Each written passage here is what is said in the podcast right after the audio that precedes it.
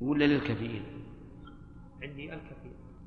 الخطية الكفيل؟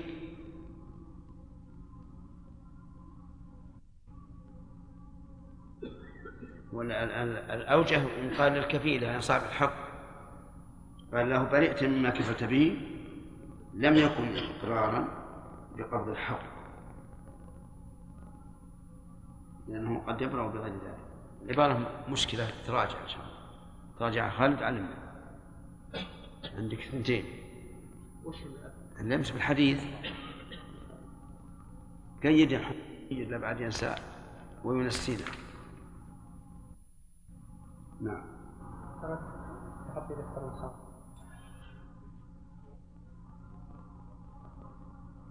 فصل إذا طولب الكفيل بإحضار المكفول به لزمه أن يحضر معه لأنه وكيل في إحضاره فإن أراد إحضاره من غير طلب والكفالة بإذنه لزمه الحضور معه لأنه شغل ذمته من أجله بإذنه فكان عليه تخليصه كما لو استعار عبده فرهنه. وإن كفل بغير إذنه لم يلزم الحضور معه لأنه لم يشغل ذمته ولا له قبله حق. ولو قيل بأنه لازم الحضور مطلقا لكان وجيها لأن المقصود إحضار المقصود إحضار المكفول فإذا حضر فسواء حضر الكفيل أو لا. وذلك مثل أن يرسل الكفيل مكفوله مع خادمه أو مع عبده أو ما أشبه ذلك. فصل. إذا كفل إنسانا أو ضمنه ثم قال لم يكن عليه حق فالقول قول خصمه لأن ذلك لا يكون إلا بمن عليه حق فإقراره به إقرار بالحق. وهل يلزم الخصم اليمين فيه وجهان مضى توجيههما في من أقر بتقبيض الرهن ثم أنكره وطلب يمين المرتهن والله أعلم. باب الوكالة. يصح التوكيل في الشراء. لقول الله تعالى فابعثوا أحدكم بورقكم هذه إلى المدينة فلينظر أيها أزكى طعاما فليأتكم برزق منه. إباحة الوكالة لا شك أنها من محاسن الشريعة ومن تيسيرها وذلك لأن الإنسان قد لا يتمكن من الوصول إلى ما يريد إلا بوكالة وهي تشبه الاستعانة بالغيب لأن الموكل إذا وكل شخصا فقد استعان به. وهنا نسأل هل هي مباحة أو مندوبة أو محرمة؟ أما بالنسبة للموكل فإنها مباحة وأما بالنسبة للوكيل فإنها سنة لأنها من الإحسان والإعانة. وقد قال الله تعالى أحسنوا إن الله يحب المحسنين. ثم استدل المؤلف رحمه الله لجوازها في الآية الكريمة فبعثه أحدكم بورقكم هذه المدينة فإذا قال قائل القصة هذه ليست في هذه الأمة. فالجواب أن ما قصه الله علينا في القرآن الكريم فإنه عبرة لنا. إذا قصه ولم ينكره فهو عبرة لنا يعني لنا أن نفعله. والعلماء رحمهم الله دائما يستدلون بما في القرآن الكريم.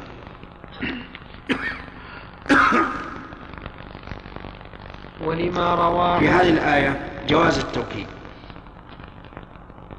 وفيه جواز الاشتراك. لقولهم بورقكم فإن ظاهر أنه أن النقد الذي معهم كان مشتركا وفيه أيضا جواز طلب الأعلى والأزكى من الطعام وأن هذا لا يعد إسرافا لقولهم فلننظر أيها أزكى طعاما وفي أيضا رد لكلام الفقهاء في باب السلم رحمهم الله حيث قالوا إنه إذا شرط الأرض أو الأجود لم يصح. لأنه ما من جيد إلا وفوقه أجود منه. فيقال إن هؤلاء يوكلون في شراء الأزكى. ويحمل الأرض والأجود على ما في السوق.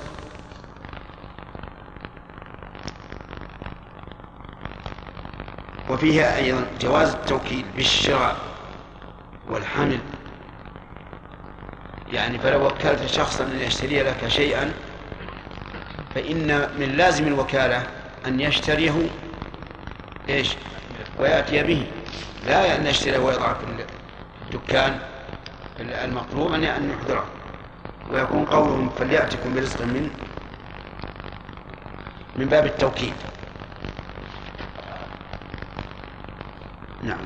ولما روى عروة بن أبي الجعد قال أعطاني رسول الله صلى الله عليه وسلم دينارا أشتري له به شاة أو أضحية ولأن الحاجة داعية إليها فإنه لا يمكن كل أحد شراء ما يحتاج إليه. الأحسن كله. فإنه لا يمكن كل أحد شراء ما يحتاج إليه. فدعت الضرورة إليه دليل أنهم يقولون لا يمكنه فعله. لا يمكنه فعله. فالذي يلي يمكن هو المفعول المقدم.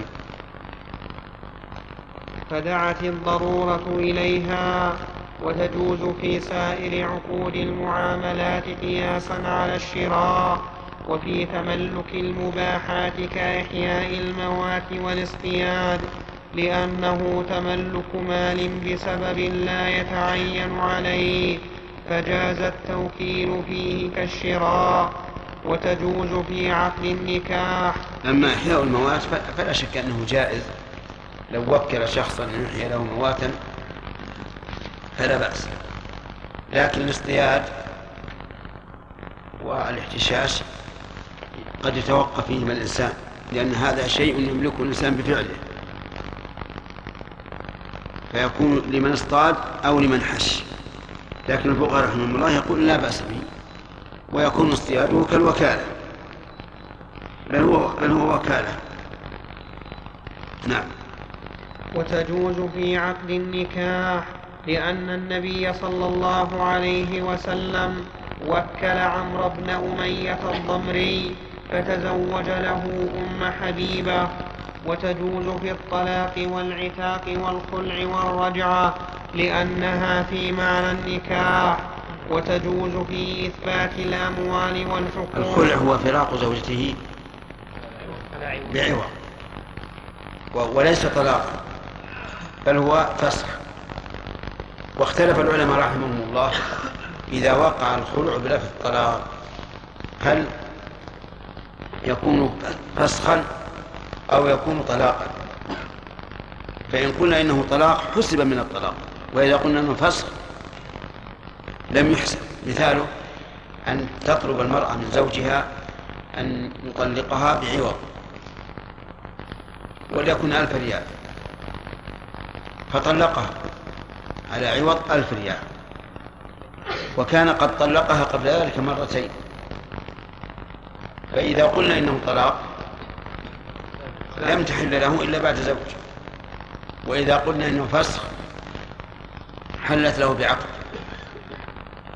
والقول الراجح أنها أنه فسخ الخلع. وهو اختيار شيخ الإسلام رحمه الله.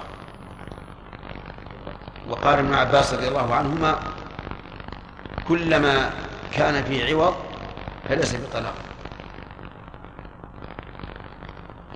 وأما قوله في حديث ثابت بن قيس اقبل الحديقة وطلقها تطليقة فهذه الكلمة طلقها تطليقة لا تصح. وإذا لم تصح بقينا على الأصل أن هذا فراق بعوض فهو فداء كما سماه الله عز وجل. فلا جناح عليهما فيما افتدت به. إذن الخلع ما هو؟ فراق الزوجة بعوض سواء كان بلفظ الفسخ أو الفداء أو الفراق أو الطلاق على قول الراجح.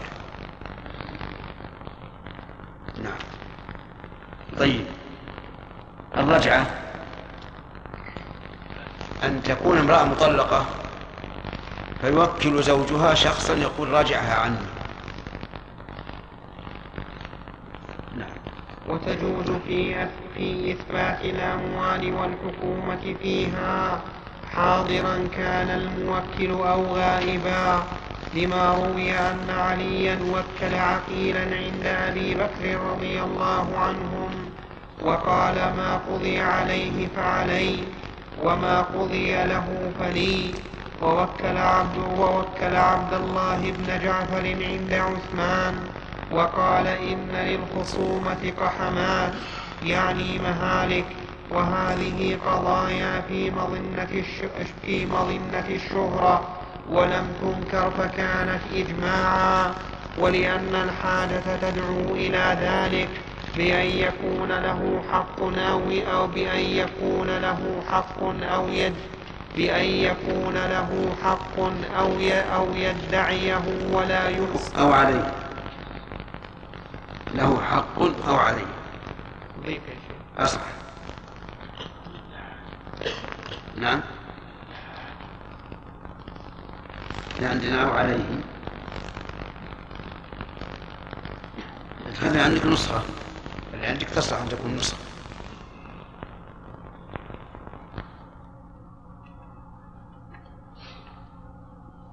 بأن يكون له حق أو عليه ولا يحسن الخصومة. أو لا يجب أو لا يجب حضور لا يحب.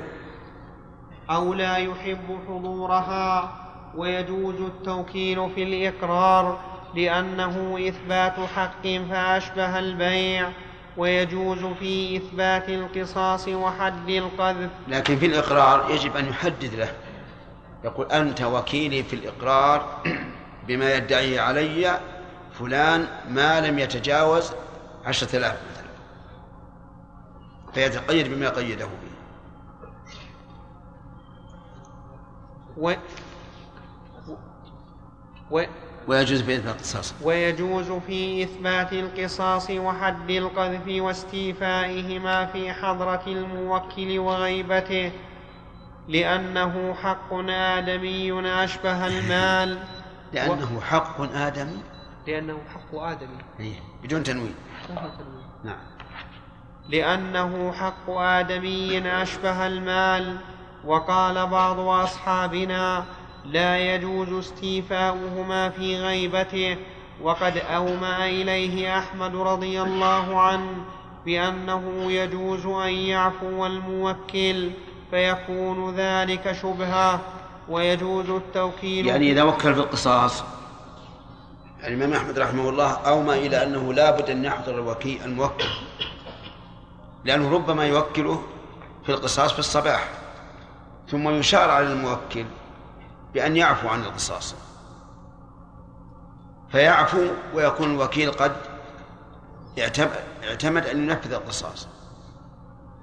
وما وما أومى إليه الإمام أحمد رحمه الله قوي خصوصا في القصاص الذي الذي يتضمن إتلاف نفس. ولهذا بعض الناس الآن إذا كان له قصاص على شخص وطلب منه أن يعفو عنه ويسمح عنه قال لا ما أسمح لازم يجرى القصاص. فإذا حضر الناس صاح صاحب القصاص أشهد إني عفوت عنه ابتغاء وجه الله. يقول لأجل يكون هذا أوقع في نفس الذي يراد قصاصه. وليكون هذا تشجيع للناس. مثل هذا على خطر لأنه ربما يكون الذباح نعم يتعجل يتعجل مشكلة. ما عاد يمديه نعم. انتهى الوقت؟ والله أعلم. نقف على وفي إثبات الحدود.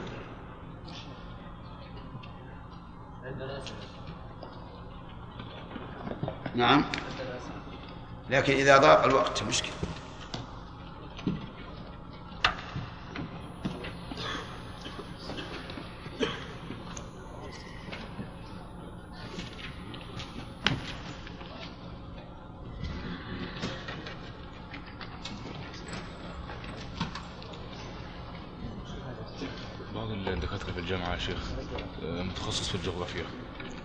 متخصص في الجغرافيا فبيقترح يا شيخ بناء على كلامكم أمس تنويع الكلمة ليلة الجمعة.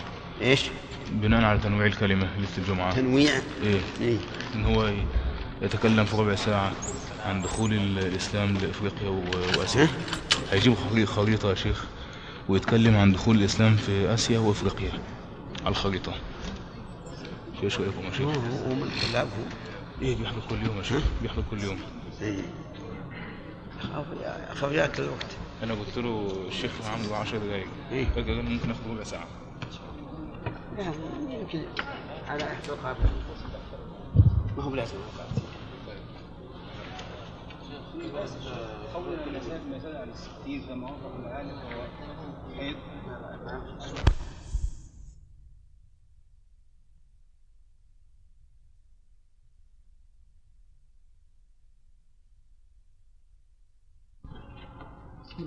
الرحمن الرحيم. الحمد لله رب العالمين. والصلاة والسلام على أشرف الأنبياء الصوت والمرسلين منه هو. الميكروفون زين. لكنه ما أظن ما مس... ما ما غلب اللاقة إيه. في مسألة. ها؟ في مسألة. وهي.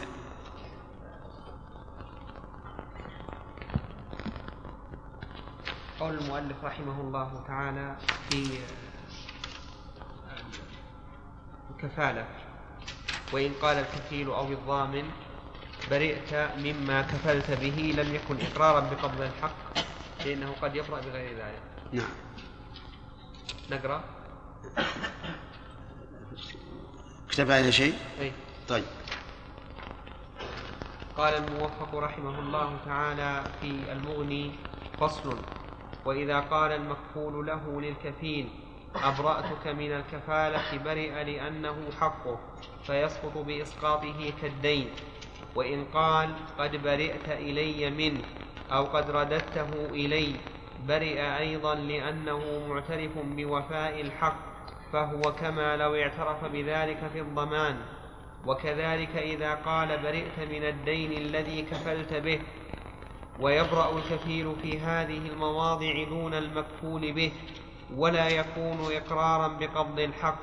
وهذا قول محمد بن الحسن وقيل يكون إقرارا فيما يقتضي الحق إقرارا.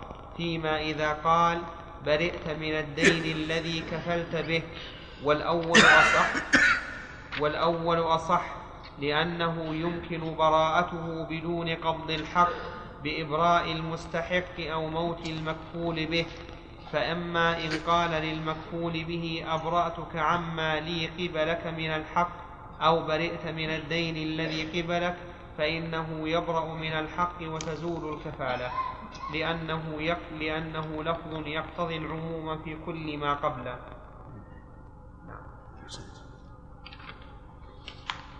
وعلى كل حال ال- الألفاظ تختلف.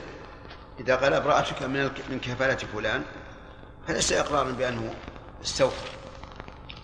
لا قال إذا قال قال برئت من الكفالة فهذا فيه احتمال أنه استوفى فبرئ.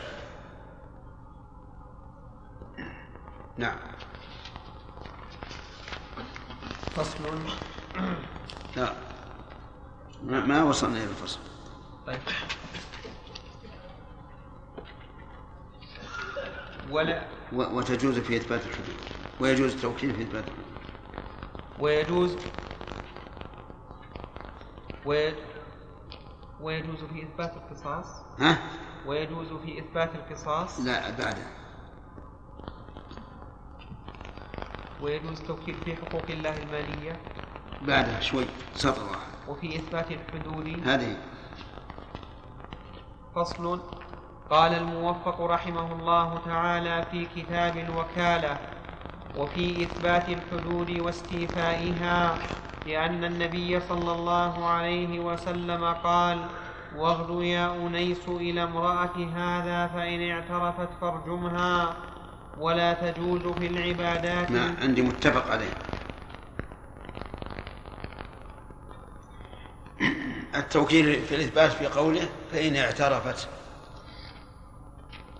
وفي إقامتها في قوله فارجمها وهذا الحديث استدل به من يرى أنه لا يشترط في الإقرار بالزنا التكرار وهو القول الراجح لا سيما إذا اشتهر كما في قصة هذا الرجل هذه المرأة. وأما الاستدلال باشتراط التكرار بالقياس على الشهادة وبكون الرسول صلى الله عليه وسلم ردد ماعزا ففيه نظر. لأن الشهادة بالزنا لو لو ثبت بالواحد لكان في ذلك انتهاك لأعراض الناس. فاحتيط فيه بحيث لا يقبل في الشهادة به إلا أربعة رجال. وأما قصة ماعز فالظاهر والله أعلم أن الرسول عليه الصلاة والسلام شك في أمره. لأنه سأله فقال أبك جنون؟ ومثل هذا لا يقال إلا لمن لمن هو مشكوك فيه. حتى إنه أمر من كان حاضرا أن يقوم فيستنكهه يعني يشم هل هل هو شارب أو لا. الصواب أنه إذا أن أن الإقرار بالزنا مرة واحدة يدخل به الحد لا سيما إذا اشتهر وبان في هذه القصة. أتعرفون هذه القصة؟ معروف. طيب. ولا تجوز في العبادات البدنية لأن المقصود فعلها ببدنه فلا تحصل من فعل غيره إلا في الحج لما سبق في بابه. معلوم قوله إلا في الحج لكن بشروط كما سبق. أن يكون عاجزا عجزا لا يرجى زواله فله أن يقيم من يحج عنه. وقوله في العبادات البدنية احترازا من العبادات المالية كالصدقات فلا بأس بالتوكيد فيها. نعم. فصل ولا تجوز في الأيمان والنذور لأنها تتعلق بعين الحالف فلا تدخلها النيابة. عندي ولأنها لكن الصواب حذف الواو.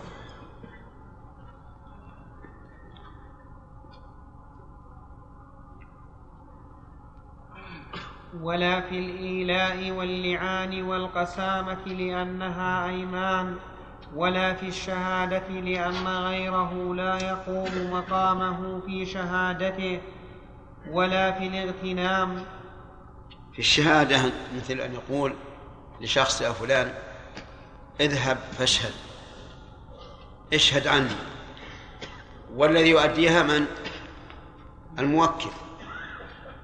يعني يأمر شخصا يقول اشهد عني وهو الذي يؤديها. هذا لا يصح لأن الشهادة يشترط فيها العلم ومثل هذا لا يحصل به العلم. أما لو قال اذهب يا فلان اشهد أنا أنا مشغول والذي يؤدي الشهادة هذا الوكيل فلا بأس به. نعم. فإذا ولا في الاغتنام لأنه يتعلق بالحضور فإذا حضر النائب كان السهم له ولا في الالتقاط لأنه بأخذه يصير لملتقطه. فصل ولا يصح التوكيل في شيء مما لا يصح مما لا يصح تصرفه فيه لأن من لا يملك التصرف بنفسه فبنائبه أولى. فلا يصح توكيل طفل ولا مما لا يصح تصرفه فيه. أيهما؟ الوكيل أو الموكل؟ الموكل وكذلك الوكيل. لكن مراد المؤلف هنا الموكل. نعم. فلا يصح توكيل طفل ولا مجنون ولا سفيه لذلك ولا توكيل المرأة في النكاح ولا ولا, الفا ولا الفاسق في تزويج ابنته ولا المسلم ولا المسلم لذمي في شراء خمر لذلك. فأما من يتصرف بالإذن كالعبد والصبي والوكيل فإن أذن لهم في التوكيل جاز وإن نهوا عنه لم يجز. وإن أطلق لهم الإذن فلهم التوكيل فيما لا يتولون مثله بأنفسهم أو يعجزون عنه لكثرته لأن تفويضه إليهم مع العلم بهذا إذن في التوكيل وفيما سوى ذلك روايتان. إحداهما لا يجوز لهم التوكيل لأنهم يتصرفون بالإذن فاختص بما أذن فيه ولم يؤذن في التوكيل والثانية يجوز لأنهم يملكون التصرف بأنفسهم فملكوه بنائبهم كالمالك الرشيد. فإن قال لوكيله والصحيح أنهم لا يملكون هذا. وذلك لأن الموكل قد يعتمد على فلان ولا يعتمد على فلان. قد يرى أن هذا فيه الكفاية. في معرفة الأمور وما والمماكسة وما أشبه ذلك ولا يرى أن أن غيره يقوم مقامه لكن في مثل هذه الحال إذا كان الوكيل يخشى أن لا يتمكن فليطلب من الموكل إيش؟ الإذن من قبل يقول يا فلان أنا أنا مستعد أن أباشر الشيء بنفسي لكن إذا كان هناك مانع أتأذن لي أن أوكل, أن أوكل؟ إذا قال نعم فله أن يوكل. وإن قال لا فليقل إذن لا أتوكل. نعم. فإن قال لوكيله اصنع ما شئت وهذا الذي ذكرته يظهر جدا فيما يختلف فيه القصد. لو وكل شخصا يحج عنه لأنه يرضاه في دينه. وفي علمه ثم جاء هذا الموكل ووكل آخر ليحج عن الأول. فالوكالة غير صحيحة لا تصح. لأنني قد أرضى أن فلان يحج عني ولا أرضى أن فلان يحج. نعم.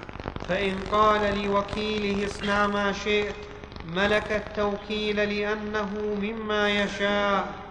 وولي اليتيم كالوكيل فيما ذكرناه ويملك الولي في النكاح التوكيل فيه من غير إذن المرأة لأن ولايته من غير جهتها قوله ولي اليتيم كالوكيل فيما ذكرناه فيه نظر ظاهر لأن ولي اليتيم كالمالك إذ أن ولايته ثابتة بإذن الشارع. فهي أصلية وأصيلة بخلاف الوكيل. فالصواب أن أن على ولي اليتيم أن يعمل بما يراه أصلح كما قال عز وجل ولا تقربوا مع اليتيم إلا بالتي أحسن. وأما أن يقال لا توكل أحدا هذا فيه نظر. قد يرى ولي اليتيم أن من المصلحة أن إيش؟ أن يوكل. غيره ويملك الولي في النكاح التوكيل فيه من غير إذن المرأة لأن ولايته من غير جهتها فلم يعتبر إذنها في توكيله كالأب. وخرج القاضي ولايته. عندي إضافة يا شيخ عندي إضافة إيش؟ عندي إضافة. ما هي واضحة؟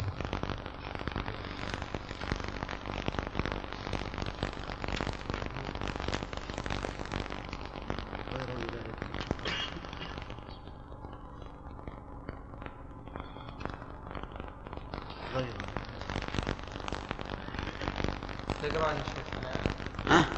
على ما ادري اقرأ ونشوف لعل وخرج القاضي غير ولاية الإجبار على الروايتين في الوكيل والفرق بينهما ظاهر.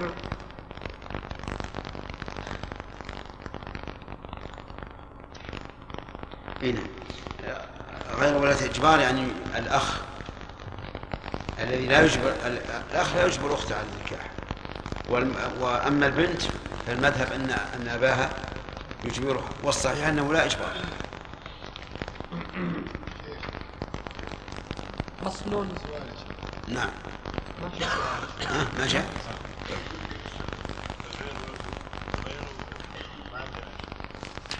حتى أنا ما عندي لكن معناها توجيه النص هذه هو فصل. ومن ملك التصرف لنفسه جاز له أن يتوكل فيه ومن لا فلا فيجوز توكيل الفاسق في قبول النكاح. ملك تصرف. الثروة ما هي في شيء؟ الخطية إيه إيه في إيش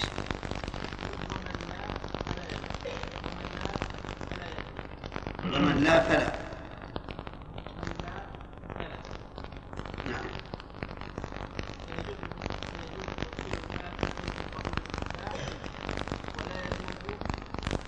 في الإجابة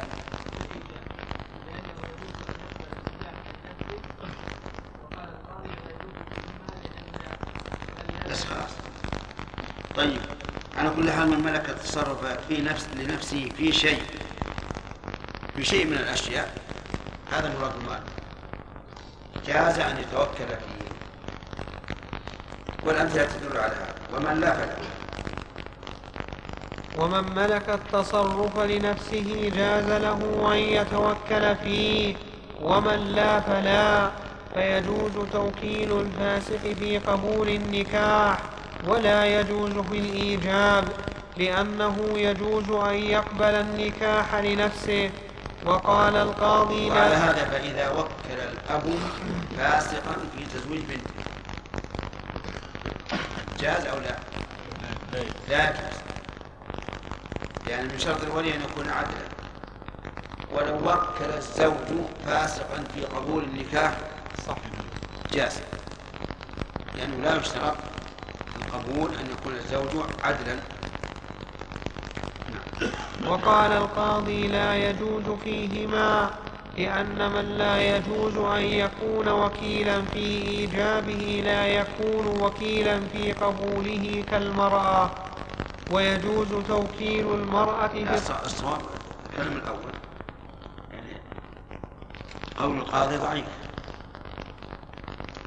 ويجوز توكيل المرأة في الطلاق لأنه يجوز توكيلها في طلاق نفسها فجاز في غيرها ولا يجوز للعبد. هذا فيه نظر.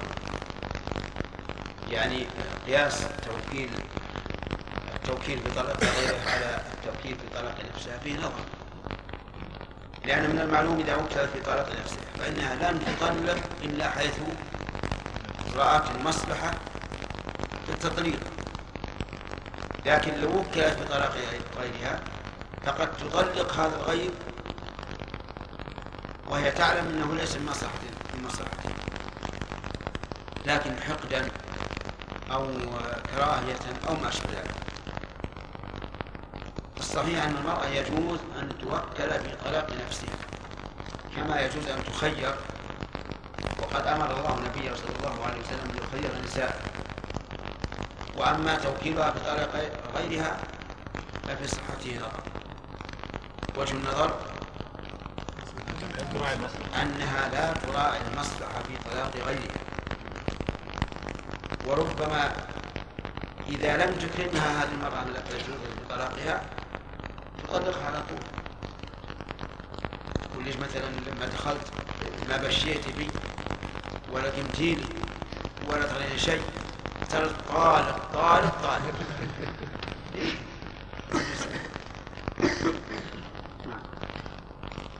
ولا ي...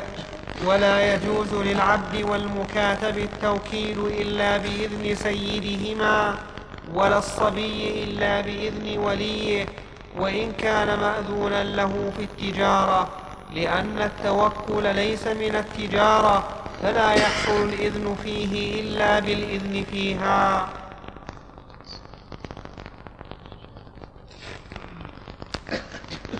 لأن التوكل ولا التوكيل. لا لأن التوكل خطية الخطية التوكيل ولا التوكل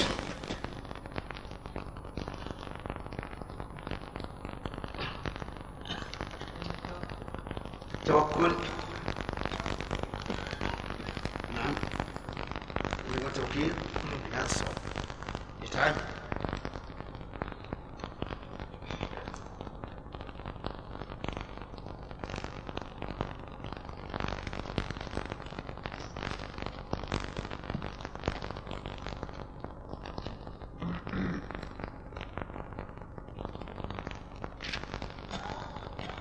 جاء السؤال إيه. نعم. شيخ بارك الله فيكم. توكيل الفاسق في ز... توكيل؟ الرجل توكيل الرجل الفاسق في تزويج ابنته هذا يحصل كثيرا خصوصا لمن لا. لمن لا, يعيش في بلاده. سيأتينا إن شاء الله أنه ليس من شرط الولي أن يكون عدلا فضلا عن عن وكيل. لأن لو قلنا بهذا القول ما بقى أحد زوج منه.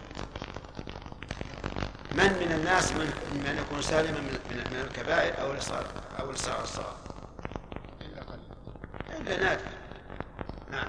الغيبة الآن مثلا إحنا هنا في السعودية الحمد لله يمكن كثير من من من, من أمور الفسق غير موجودة. لكن الغيبة هكذا المجالس عند كثير من الناس نعم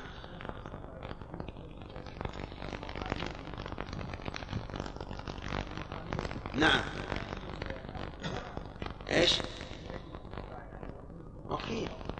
وكيل إثبات الحق. ثم عاد هل من وكل في في, إثبات الحق؟ له الحق في القبض كل هذا سيأتينا إن شاء الله. نعم. إذا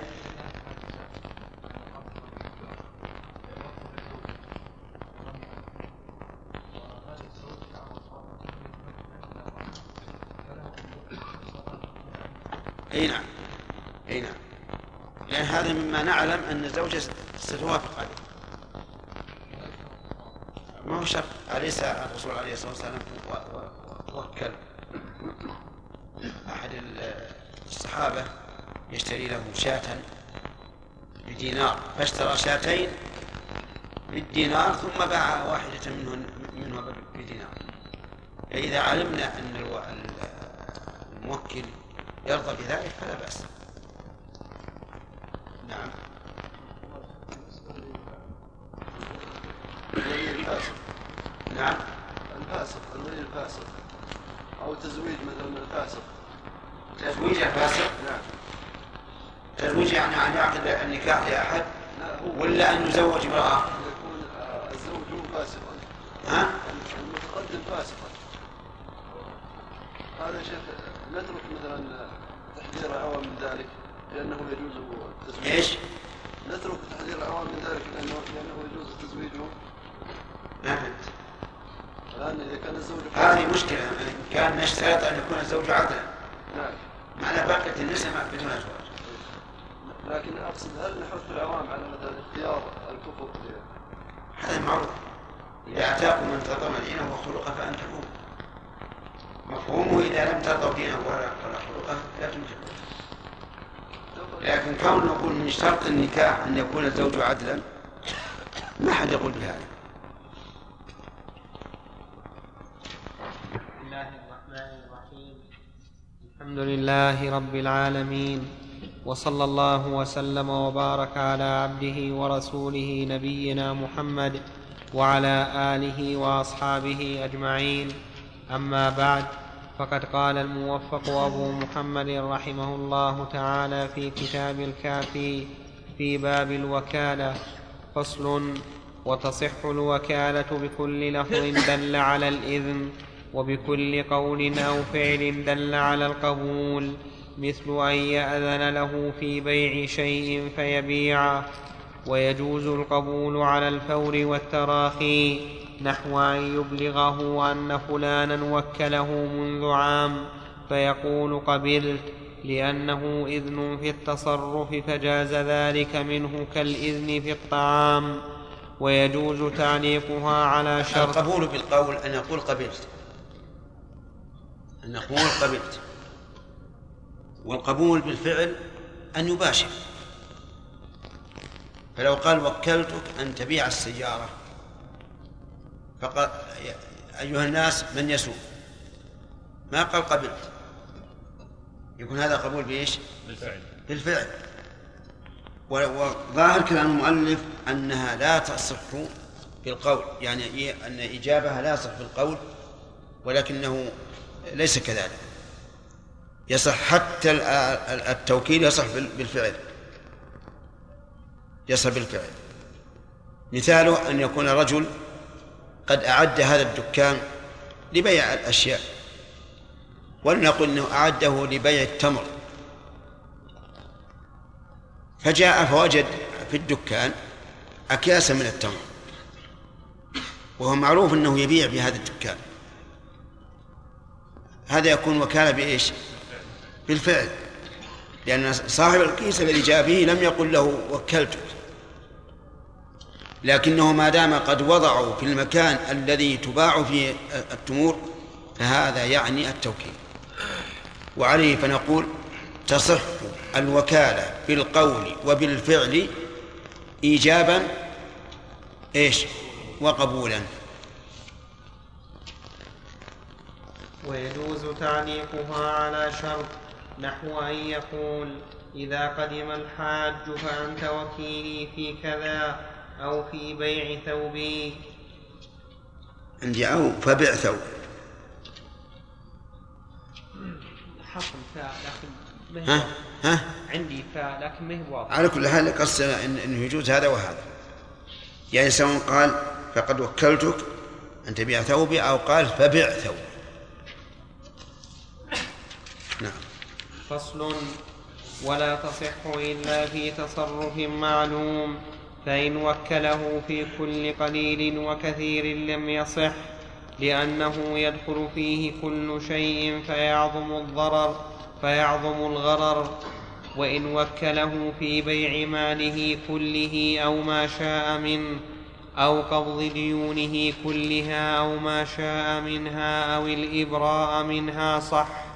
لأنه يعرف ماله ودينه فيعرف أقصى ما يبيع ويقبض فيقل الغرر وإن قال اشتر لي ما شئت أو عبدا بما شئت فقال أبو الخطاب لا يصح حتى يذكر البيع وقدر الثمن لأن ما يمكن شراؤه يكثر فيك فيكثر الغرر. وإن قدر له أكثر الثمن وأقله صح لأنه يقل الغرر. وقال القاضي إذا ذكر النوع لم يحتج إلى تقدير الثمن لأنه إذن في أعلاه. وقد روي عن أحمد في من قال ما اشتريت من شيء فهو بيننا أن هذا جائز وأعجبه وهذا توكيل في شراء كل شيء. ولأنه إذن في ولأنه أذن في التصرف فجاز من غير تعيين كالإذن في, في, التجارة. والصحيح أنه يصح.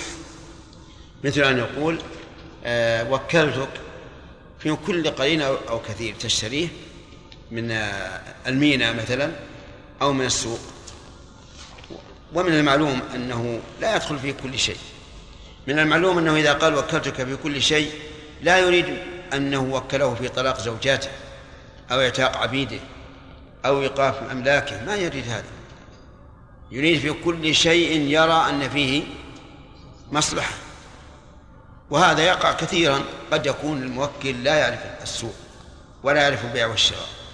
فيوكل شخصا ويقول أنت وكيلي في كل شيء ترى فيه مصلحة. فلا بأس بهذا. فصل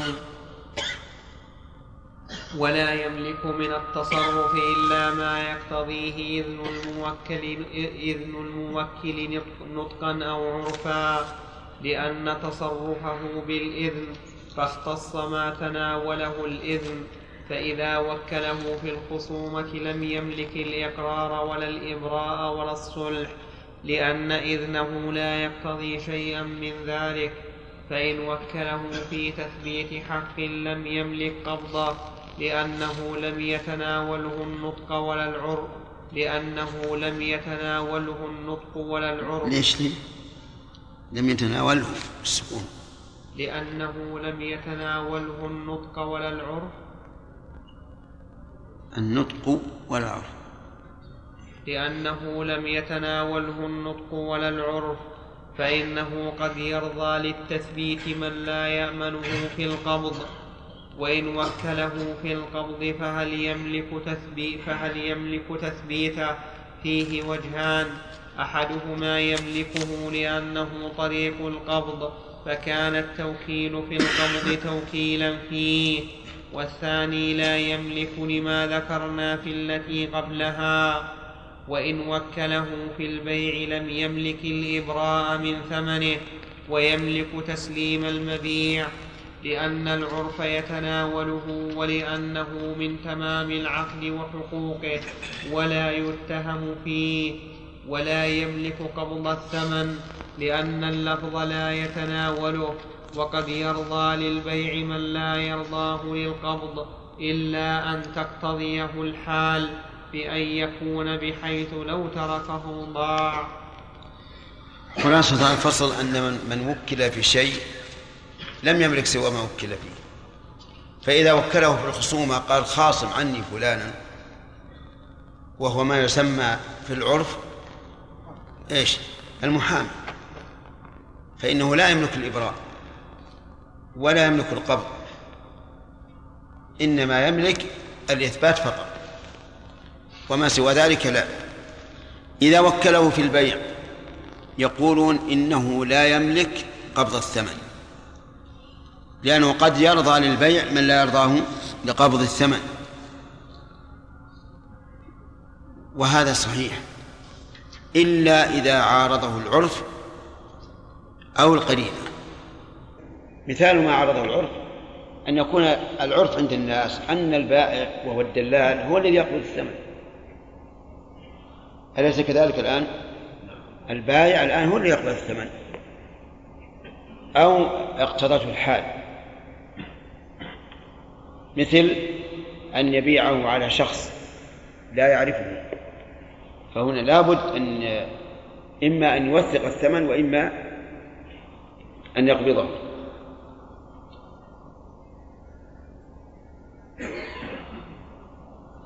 طيب لو وكله في القبض فهل يملك الخصومة؟ نعم. هل يملك الخصومة أو لا؟ لا يملك. لا يملك الخصومة لماذا؟ لأنه ربما إذا خاصم لم يكن ألحن من من خصم فيغلبه الخصم. ويكون الموكل ألحن من من الخصم فينتفع. نعم. نعم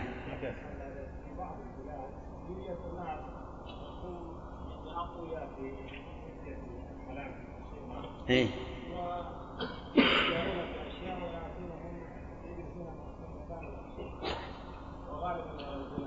إيش؟ هم يعني مثل المحامين هو يعني ما بعض الناس هم هم اقوياء في اي نعم بعض الناس اذا عرض له الخصومه يمشي ويعطيهم اشياء وياتونهم بدلا يعني قصدك المحامين؟ وش؟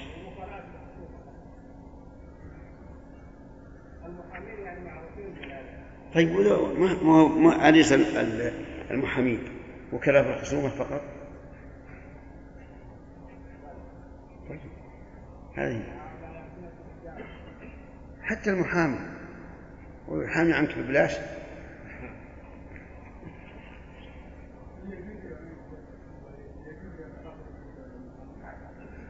نعم. أي نعم. يجوز. يعمل بلا شيء. لكن هل يجوز أن أن يوكل المحامي؟ نقول إن كان يخاف أن يضيع حقه فلا بأس. وإن كان لا يخاف فلا داعي. لأنه يخشى أن المحامي يجلب أشياء ما لها أصل لكن يغلب بالبيان والقوة. نعم. فصل. فإن وكله في البيع في وقت لم يملكه قبله ولا بعده لأنه قد يختص غرضه به في زمن لحاجته فيه. وإن وكله في بيعه لرجل لم يملك بيعه لغيره لأنه قد يقصد نفعه أو نفع المبيع بإيصاله إليه. وإن وكله في بيعه في مكان الثمن فيه أكثر أو أجود لم يملكه في غيره لأنه قد يفوت غرضه. وإن تساوت الأمكنة أو قدر له الثمن ملك ذلك لأن الغرض فيهما واحد فالإذن في أحدهما إذن في الآخر. وإن وكله في بيع فاسد لم يملك لأنه منهي عنه ولا يملك الصحيح لأنه لم يأذن له فيه. وإن قد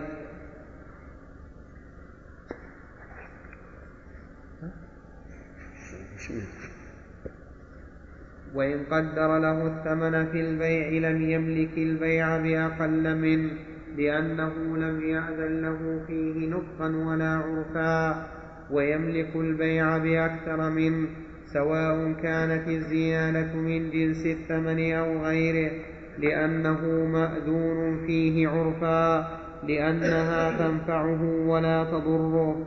هذا ما لم يحدد الشخص. فيقول بعه على فلان بعشر. فهنا لا يجوز أن يبيعه بأكثر. لماذا؟ لأنه حدد وقد يريد نفع المشتري. قد يريد الموكل نفع المشتري ولا يريد أن تأخذ منه شيئا أكثر. فإذا باعه بأكثر فإنه لا يحل. لكن لو قال أبيعه بأكثر وأعطي المالك الذي وكلني العشرة فقط. قلنا هذا أشد جرما لأنك ضررت الرجل الذي عين ولم تنفع الذي وكلك. نعم إذا إذا نقول إذا باع بأكثر فالبيع صحيح إلا إذا علمنا أن للموكل غرضا في عدم الزيادة. فلا تجوز الزيادة رحمك الله. وإن باع وإن باع بعضه بدون ثمن جميعه لم يجز وإن باعه بجميعه صح لما ذكرناه وله بيع باقيه لأنه أذن فيه ويحتمل أن لا يملكه لأنه حصل غرضه ببيع بعضه فلا يبقى الإذن في باقيه وإن وكله في شراء شيء لم يملك شراء بعض شراء بعضه لأن اللفظ لا يقتضيه وإن قال له بعه بمئة درهم فباعه قول لأن اللفظ لا يقتضيه إلا إذا دعت الحاجة إلى ذلك مثل أن يقول آه، أريد مثل عشرة كيلو من, من هذه السلعة فلا يجد عند صاحب الدكان إلا خمسة. لكنه يعرف أنه سيجد الخمسة في مكان آخر. فهنا نقول لا بأس أن يشتري خمسة ويشتري من الدكان الآخر خمسة. أما إذا كان فيه احتمال أن لا يجد سوى هذه الخمسة وقد وكله في عشرة فإنه لا يشتريها. مثل أن يكون الرجل الذي عنده هذه السلعة لا توجد عند غيره. ولكن لم يجد إلا خمسة منها. فهنا نقول لا تشتري. ليش؟ لأنه لن يجد البقية. نعم. وإن قال له بعه بمائة درهم فباعه بعرض يساوي يساوي أكثر منها لم يجز لأنه لم يأذن فيه نطقا ولا عرفا. وإن باعه بمائة دينار أو بتسعين درهما وعشرة دنانير ففيه وجهان. أحدهما لا ينفذ لأنه خالفه في الجنس كالتي قبلها والثاني ينفذ لأنه مأذون فيه عرفا لأنه يرضى الدينار مكان الدر لأنه يرضى الدينار مكان الدرهم عرفا. وإن وكله في بيع عبيد أو شرائهم ملك ذلك صفقة واحدة وصفقات لأن العرف جار بكلا الأمرين. وإن أمره بصفقة واحدة لم يملك التفريع وإن اشتراهم صفقة واحدة من رجلين جاز لأن الصفقة من جهة واحدة.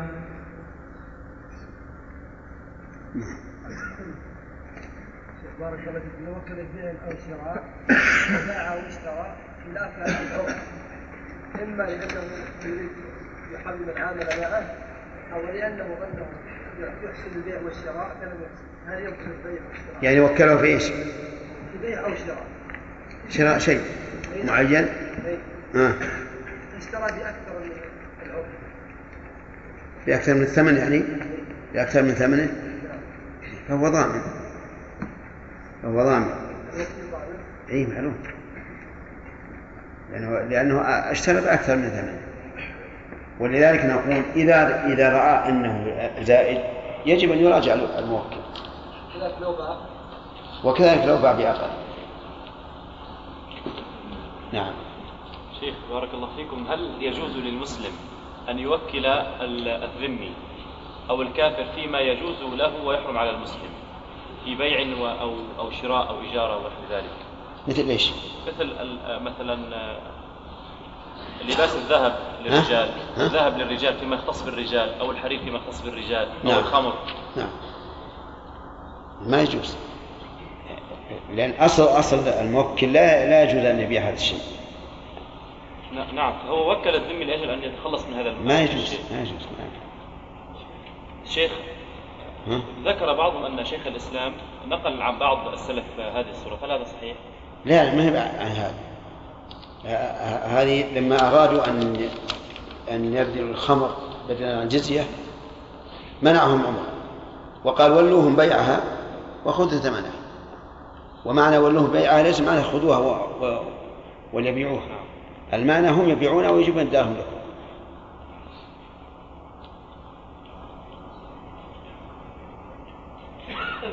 يقول وليد السعداوي وليد سعد. نعم. أن الوكيل شيخ أراد أن يتصرف إلا لم يؤذن له فيه. ولكن يعلم أنه إذا تصرف ثم راجع الموكل أنه يأذن له. لا بأس. إذا كان فيه مصلحة لا بأس.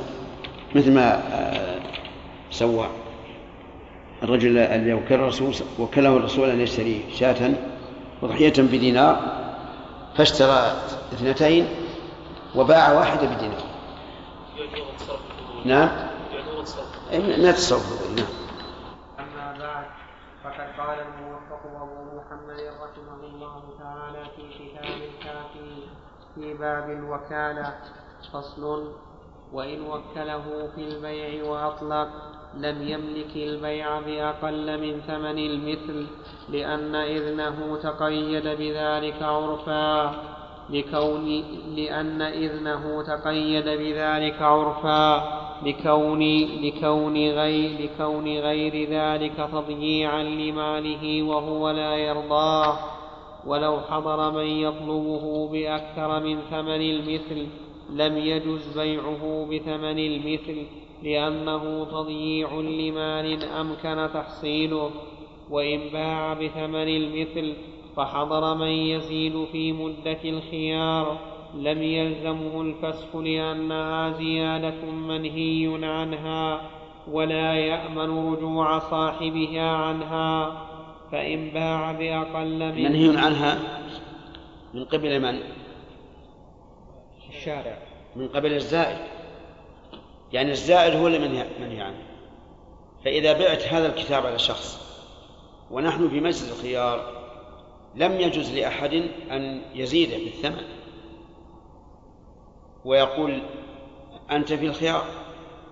يفسخ البيع وبيع عليه لأن النبي صلى الله عليه وسلم نهى أن يصوم الرجل على صوم أخيه وهذا أبلغ من صومه على صوم أخيه.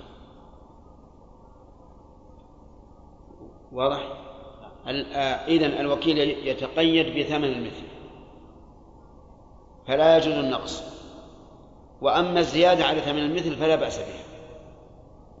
لأنها من مصلحة الوكيل الموكل. نعم. وإن باع بثمن المثل فحضر من يزيد في مدة فإن باع بأقل. فإن باع بأقل من ثمن المثل أو بأقل مما قدر له فعنه البيع باطل لأنه غير مأذون فيه وعنه يصح. ويضمن الوكيل النقص لأنه فوته ويصح البيع لأن الضرر يزول بالتضمين ولا عبرة بما يتغابن الناس به كدرهم في عشرة. أنتم فهمتم الآن؟ لو قال بعه بعشرة وباعه بثمانية فهل يصح البيع أو لا؟ قيل إنه يصح. ويضمن النقص وهو درهمان. وقيل لا يصح لأنه إنما أذن له بمقدار معين. فإذا تصرف على غير هذا الوجه فإنه لم يؤذن له فيه. وكذلك يقال إذا كانت قيمتها عشرة وباعها بثمانية وإن لم يقدر له فإنه هل يصح البيع أو لا يصح؟ والذي يظهر أن البيع صحيح. لأنه في هذه الحال لم يحصل للموكل نقص. ولو قلنا بعدم الصحة صار في ذلك ضرر على المشتري. المشتري الذي اشترى وانتهى. وربما لا يعلم أن أن الموكل قد قدر الثمن أو لا يعلم أن ثمن المثل هو هذا. الذي اشترى بأقل منه.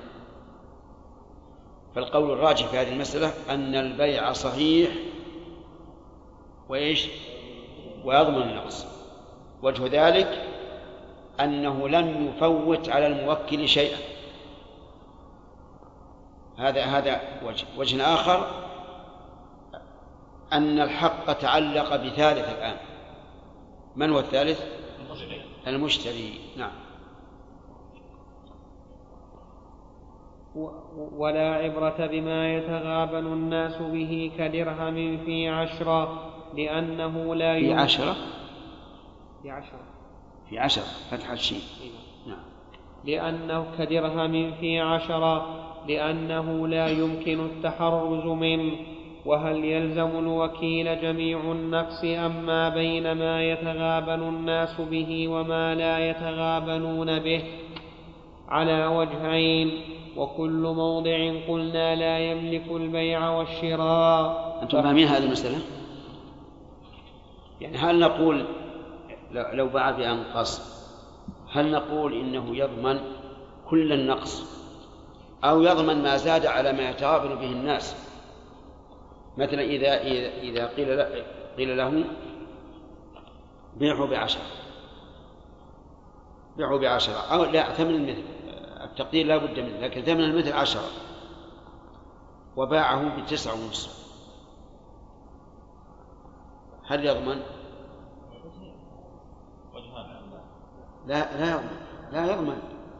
لأن هذا مما يتغابن يتغابن به الناس. يعني نصف من عشرة يعني واحد من عشرين. هذا جرت به العادة. تجد هذا يبيع بعشرة وذا بتسعة ونصف بإحدى عشر. هذا يتغابن بالناس لكن إذا قلنا إن إنه باعه بثمانية هل يضمن ريال ونصف؟ ولا يضمن ريالين. هذا هذا الذي ذكر على وجهه. يعني هل يضمن النقص كله أو يضمن النقص الزائد على ما يتغابن به الناس؟ نعم. وكل مو... الراجح ما دل عليه الدليل. وكل موضع قلنا لا يملك البيع والشراء فحكمه فيه حكم الأجنبي وقد ذكرنا لأن هذا غير مأذون فيه. حكم حكم الأجنبي. وهذا يعني يشير إلى تصرف الفضول. يعني إذا قلنا لا يصح لكن وافق الموكل. فالصحيح أنه إذا وافق فلا بأس. وأن جميع التصرفات الفضولية إذا أقرها من الحق له فهي ماضية نافذة ويدل لهذا أن أبا هريرة رضي الله عنه آه، أذن للذي أخذ من الطعام ولم يضمنه الرسول صلى الله عليه وسلم. لأن بل أذن بل وافق على فعله. فصل. وإن وكله في الشراء فأطلق لم يجز أن يشتري بأكثر من ثمن المثل لما ذكرنا. وإن اشترى بأقل من ثمن المثل أو أقل مما قدر له صح لأنه مأذون فيه عرفا. فإن قال لا تشتره بأقل من مئة لم يملك مخالفته لأن نصه مقدم على دلالة العرف وإن قال اشتره بمئة ولا تشتري ولا تشتري ولا تشتره بخمسين. لكن هل إذا قال لا تشتري بأقل من مئة؟ لا تشتري بأقل من مئة. يقول لا لا يملك أن يشتري بتسعين. لكن هل نقول في هذه الحال يجوز للوكيل أن يشتري بمئة؟ لا لا يجوز. لأن في هذا ضررا على عامة الناس. لأن البائع إذا باع بمئة سوف يجعل هذا قاعدة يبيع يبيع بها وكان بالأول يبيع كم؟ تسعين. فلاحظوا هذه المسألة. يعني مسألة البيع والشراء لها, لها تعلق بشخص ثالث فنحن نقول إذا قال اشتري بمئة ولا تشتري بأقل. نقول لا لا, لا يمكن أن يبذل مئة بما, بما هو في السوق بتسعين لأن في هذا ضرر على الناس. نعم لو علمنا أن قوله اشتر بمئة يعني من الطيب فهنا لا أشتري بأقل. وهذا هو الذي يقع عند كثير من العامة. يقول شف اشر لي من من من أبو 100 اقولها باللغة العاميه اشر لي من أبو 100 يعني لا تشتري من أبو 90 أو 80 فإذا علمنا أن مراده الجيد فالأمر ظاهر أنه لا بأس به ولا, يشتري باقل نعم. وإن قال اشتره بمائة ولا تشتريه بخمسين فله شراؤه بما فوق الخمسين لأنه باق على دلالة العرف. وإن قال اشتر لي عبدا ووصفه بمئة فاشتراه بدونها جاز. لا عبدا وصف. وسطا وصفه. وإن قال اشتر لي عبدا وصفه بمئة فاشتراه وش معنى وصفه بمئة؟ يعني وصفه بأوصاف تصل المئة يعني قال اشتري لي عبدا صفته كذا وكذا وكذا بمئة. وعليه نقول وصفة تابعا لقبله ويحسن أن تقف اشتر لي عبدا ووصف عبدا وصف بمئة. وإن قال اشتر لي عبدا وصفه بمئة فاشتراه بدونها جاز. وإن خالف الصفة لم يلزم الموكل وإن لم يصفه فاشترى عبدا يساوي مئة بأقل منها جاز وإن لم يساوي المئة لم يلزم الموكل وإن ساوى ما اشتراه به لأنه خالف غرضه وإن قال اشتر لي شاة بدينار فاشترى شاتين تساوي إحداهما دينارا صح. بحديث عروة ولأنه ممتثل للأمر بإحداهما والثانية زيادة نفع وإن لم تساوي دينارا لم وإن ي... لم وإن لم وإن لم تساوي دينارا لم يصح فإن باع الوكيل شاة وبقيت التي تساوي دينارا فظاهر كلام أحمد صحته لحديث عروة ولأنه وفى بغرضه فأشبه إذا زاد على ثمن المثل ولا شك أن هذا هو الصحيح وهذا مما يدل على أن تصرف الفضول إيش؟ صحيح وجائز إذا أجازه الآخر فما المانع؟ لأن هذا ليس ممنوعا لحق الله حتى نقول إنه لا يجوز ولو تراضى الطرفان بل هو لحق آدم فإذا وافق على البيع والشراء فلا بأس. فصل وإن وكله في الشراء نسيئة فاشترى نقدا لم يلزم الموكل لأنه لم يؤذن له فيه. وإن وكله في الشراء بنقد فاشترى بنسيئة أكثر من ثمن النقد لم يجز لذلك.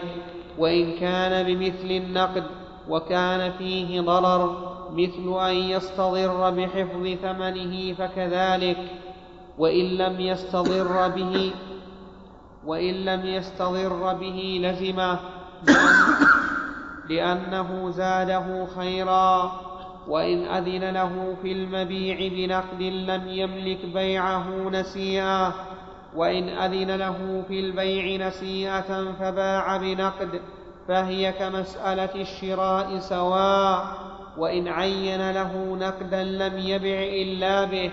يعني كمثل الشراء إن كان إن كان النقد يوجب نقص ثمن فإنه لا يجوز. وكذلك إذا كان النقد يؤدي إلى ضرر الموكل بحيث يكون الزمن زمن خوف. وإذا قبض الثمن الآن فهو على خطر وإذا تأخر إلى زوال الخوف فهو آمن. المهم إذا كان للموكل غرض في أن يكون البيع نسيئة فإنه لا يجوز للوكيل أن يبيع نقدا. وإن أطلق لم يبع إلا بنقد البلد لأن الإطلاق ينصرف إليه فإن كان فيه نقدان باع بأغلبهما وإن قدر له أجلا لم تجز الزيادة عليه. لأنه لم يرض بها وإن أطلق الأجل جاز وحمل على العرف في مثله لأن مطلق الوكالة يحمل على المتعارف ولا يملك الوكيل في البيع والشراء شرط الخيار للعاقد معه لأنه لا حظ للموكل لأنه لا حظ للموكل فيه.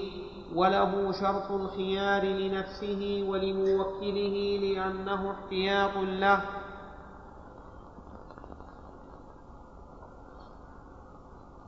فصل إذا قال اشتر لي بعين هذا الثمن فاشترى له في ذمته لم يقع للموكل لأنه لم يرض بالتزام شيء في ذمته فلم يجز التزامه.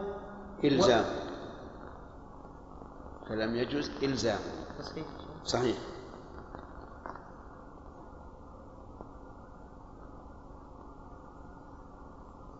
وإن لأنه لم يرض بالتزام شيء في ذمته فلم يجز إلزامه وإن قال اشتر لي في ذمتك ثم انقد هذا فيه فاشتراه بعينه صح للموكل. لأنه أمره بعقد يلزمه به الثمن مع بقاء الدينار وتلفه فعقد له عقدا لا يلزمه مع تلفه فزاده خيرا. ويحتمل أن لا يصح لأنه أراد عقدا لا يبطل باستحقاقه ولا تلف في ولا تلفه ففوت ذلك. وإن أطلق فله الأمران لأن العرف جار بهما.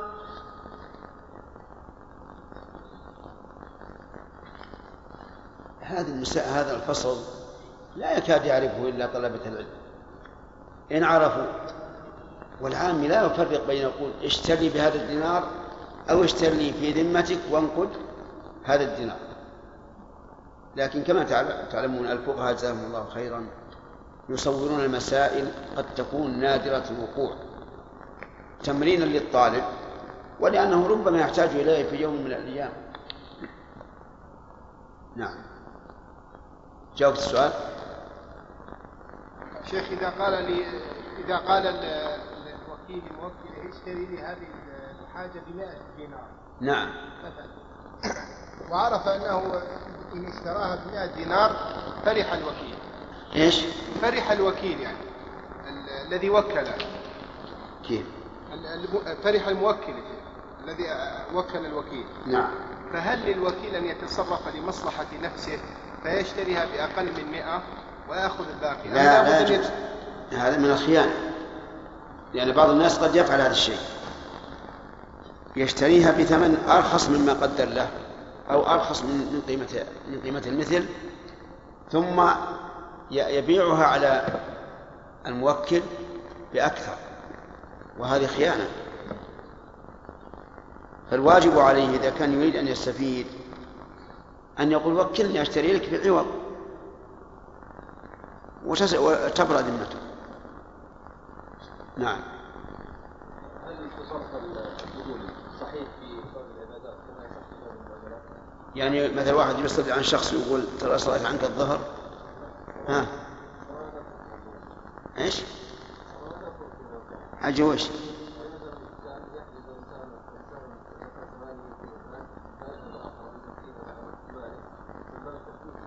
إي نعم لا بأس. ما دام عين أهل الزكاة فلا بأس. نعم. إذا رعي نعم. كان يعرف صاحب واراد شخص آخر أن يأخذه نعم. هذا فهل نقول هذه المراعاه لشخص هذا سؤال جيد. يعني لو أن البائع باع على الوكيل بأقل من ثمن المثل مراعاة له لأنه صاحب. ولو علم أن السلعة للآخر الذي وكله ما راعى. فهل نقول في هذه الحال للوكيل أن يأخذ فرق؟ ما بين ثمن المثل وما وقع عليه العقد هذا محل نظر. يعني قد يقول الإنسان له أن يأخذ ما بين القيمتين. فمثلا يشتريها من من من, من البائع الذي رعاه بثمانية وثمن المثل عشرة ويقول للموكل إن الثمن كم؟ عشرة يا أخوان عشرة لكن جابر دائما بعيد عن عنه طيب. أو نقول ما دام وكله واشتراها الوكيل لموكله فالأعمال بالنيات الأعمال بالنيات ويكون ما نزل محاباة لهذا الشخص من حظ الموكل. هذا لا شك أنه هو ال- الأبرأ للذمة والأورع. لكن إذا أراد أيضا أن يكون صريحا فليقل للبائع يا فلان أنا ما اشتريتها لي أنا اشتريتها لفلان هذا يكون فيه مصلحة للبائع حتى لا ينزل عليه شيء من الثمن وفيه إبراء للذمة. ويقول لل- لل- للموكل اشتريتها بعشرة نعم. فهم والله اذا حدد الموكل أقل ثمن وقال بين كذا إلى كذا نعم. فباعها بأقل ما حدد. إذا نعم. إذا قال باعها من عشرة إلى إلى عشرين. فباع بخمسة عشر أو بعشرة. لا إذا باع بخمسة عشر. ما يأخذ الزائد. لكن قل هل يجوز أن يبيعها بأنزل ما قدر مع احتمال أنه يمكن أن ترتفع القيمة؟ هذا هو السؤال. لا لا يجوز أبدا. إذا قال بيعها من عشرة إلى عشرين وباع بخمسة عشر ما يجوز يأخذ خمسة. لأنها زيادة للملك للمالك. لكن لو لو لو قال من عشرة إلى عشرين وهو يعرف أنه لو لو كرر طلب الزيادة زادت إلى عشرين فلا يجوز أن يبيع بخمسة عشر. نعم يا رشاد إيش؟ نعم. نعم. ثم زاده البائع في الوزن إكراما له. ثم؟ البائع زاده في الوزن إكراما له. نعم. هل يلزمه القسمة الزائد بين والله مثل ما قلنا لك الأورع بلا شك أن يقول يا فلان هذا مشترك بيني وبين فلان. فإذا قال الزيادة لك وفلان ما أعرفه فهي له.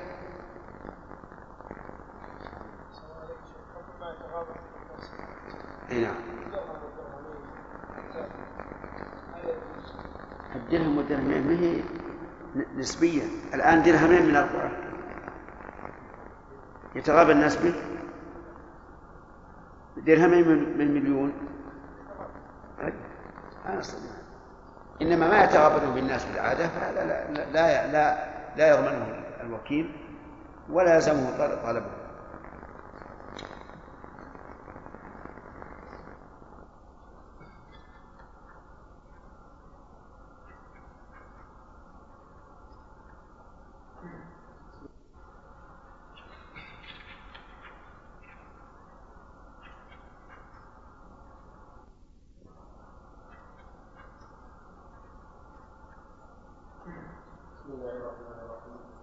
الحمد لله رب العالمين وصلى الله وسلم على عبده ورسوله نبينا محمد وعلى آله وصحابته أجمعين.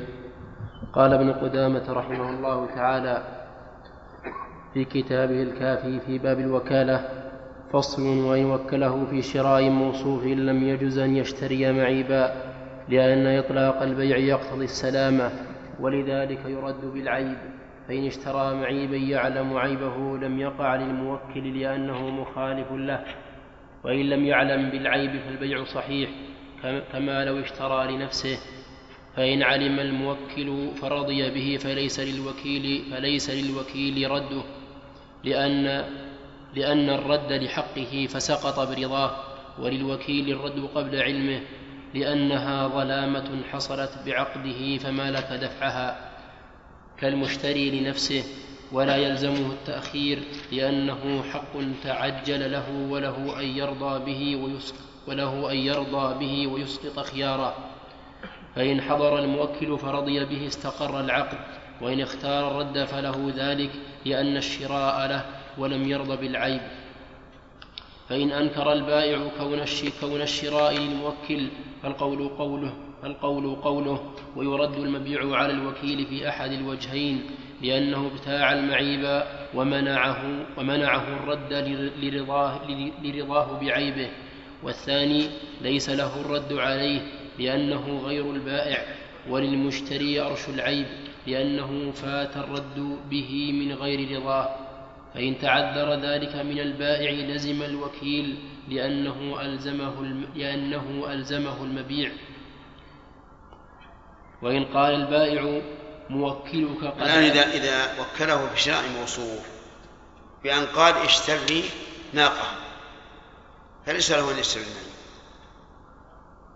لأن ال... ال... الإطلاق يقتضي السلام.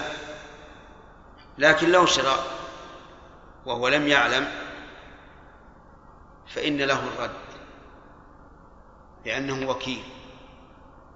ولكن هل للبائع أن يقول أنت اشتريتها لفلان انتظر لا لا تفسخ العقد حتى تراجع موكلك. الجواب إذا قال هذا فليس للوكيل أن يقبل.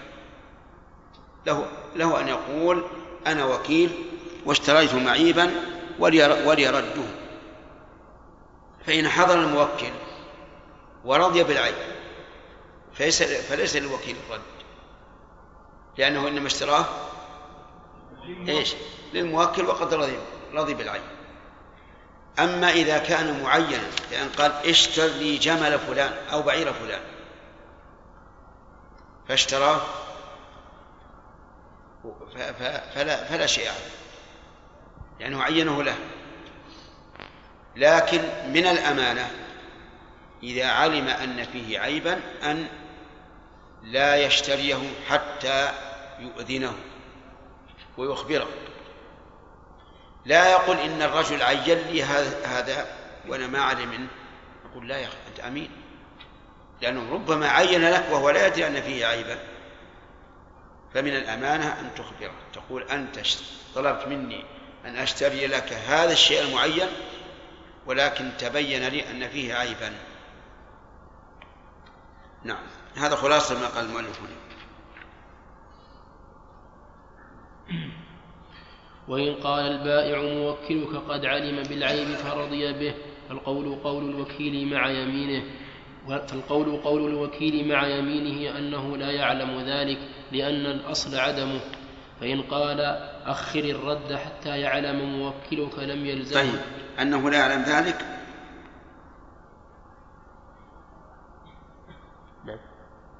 أو لا يعلم؟ رضاه به. قد يقول لا أنا أدري أنه, أنه علم لكن لا أعلم أنه رضي فأحلف أنه لم يرضي بذلك. نعم. فإن, فإن أخر وقلنا الرد على الفور لم يسقط خياره ذكره القاضي لأنه لم يرض به ويحتمل أن يسقط لتركه الرد مع إمكانه.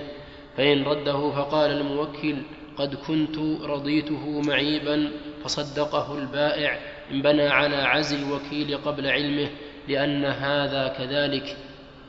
وإن أنكره البائع فالقول قوله أنه لا يعلم ذلك.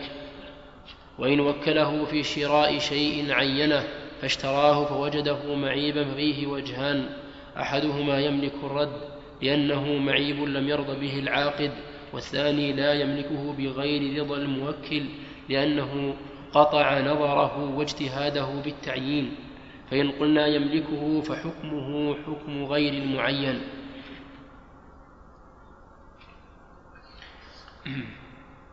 فصل إذا وكله في قبض حقه إذا وكله في قبض حقه من زيد فمات زيد لم يملك القبض من وارثه لأنه لم يتناوله إذنه نطقا لأنه غيره لأنه غيره. لأنهم غيره. هذا الصواب.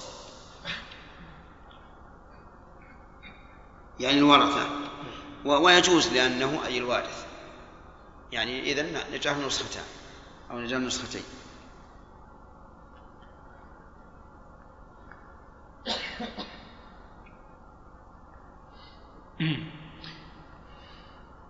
لم يملك القبض من وارثه لأنه لم يتناوله إذنه نطقا لأنهم غيره ولا عرفا لأنه قد يرضى لأنه قد يرضى بقاء حقه. يرضى. لأنه قد يرضى بقاء حقه عندهم دونه. وإن قال اقبض حقي الذي قبل زيد فله القبض من وارثه لأن لفظه يتناول قبض الحق من غير تعرض للمقبوض منه. وإن وكل وكيلين في تصرف لم يكن لأحدهما فرق, فرق دقيق. إذا قال اقبض ديني من زيد ومات لم يملك قبضه من وارثه وإذا قال اقبض حقي الذي عند زيد ومات فإنه يملك قبضه من الوارث. أو قال اقبض حقي الذي قبل زيد فإنه يملك القبض من الوارث. لكن في مثل هذه التعبيرات قد يفهمها طالب العلم ولكن العامي العامي لا يفهم. العامي لا يفهم. فللقاضي أن يرجع إلى عرف العوام وأنه إذا قال اقبل حقي من زيد يعني الحق الذي قبله سواء منه بعينه أو من من وارثه إن مات. نعم. وإن وكل وكيلين في تصرف لم يكن لأحدهما الانفراد به لأنه لم يرض بأحدهما. وإن وكله في قضاء دين تقيد بالإشهاد لأنه لا يحصل الاحتياط إلا به. فإن قضاه بغير بينة بغير بينة فأنكر الغريم ضمن لتفريطه. وظاهر كلام المؤلف رحمه الله أنه يضمن سواء كان الدين قليلا أو كثيرا. ولكن تعليله يدل على التفريق بين القليل والكثير. فلو قلت يا فلان هذه عشرة ريالات أعطها صاحب البقالة تعرفون البقالة قال طيب أنا رايح لا على على طريق. فأعطاه صاحب البقالة ولم يشهد. ثم إن صاحب البقالة أنكر إما نسيانا أو عمدا. فكلام المؤلف يدل على أن هذا الوكيل إيش؟ جضما سواء كان بأجرة أو بغير أجرة. قال لأنه مفرط وش الواجب؟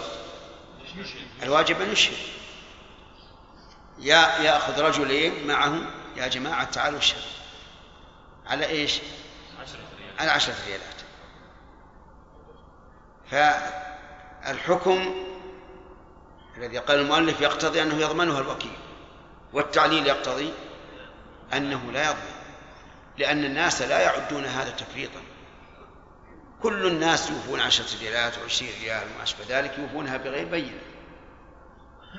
ولو أنك قلت لأي واحد صاحب دكان مثلا تشتري من حوائج. أنا ما يمكن أوفيك إلا بجيب شهود.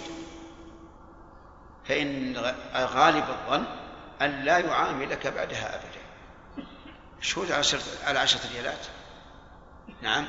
صحيح أن الشيء الكبير كألف ريال وألفين ريال وما أشبه ذلك لا بد من أن يكون الوكيل مشهدا على إيش؟ على القبض. الآن والحمد لله صار هناك شيء يسير وهو الفاتورة. الآن ممكن للوكيل أن يقول أعطني فاتورة وتكون هذه الفاتورة سندا ووثيقة على آه، آه، الغريم الذي استوفى. حتى لو خمس ريالات أو عشرة أو أكثر أو أقل. نعم.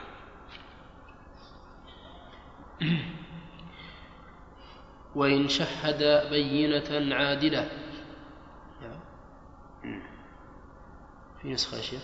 أنا عندي وإن شهد ببينة.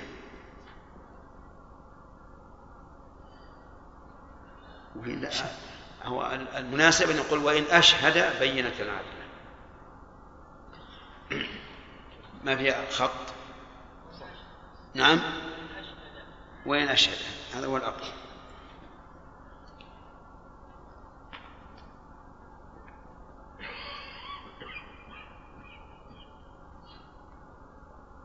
وإن أشهد بينة عادلة فماتت أو غابت لم يضمن لأنه لا تفريط منه وإن قضاه بحضرة الموكل من غير إشهاد ففيه وجهان أحدهما يضمن لأنه ترك التحفظ والثاني لا يضمن لأنه إذا كان الم...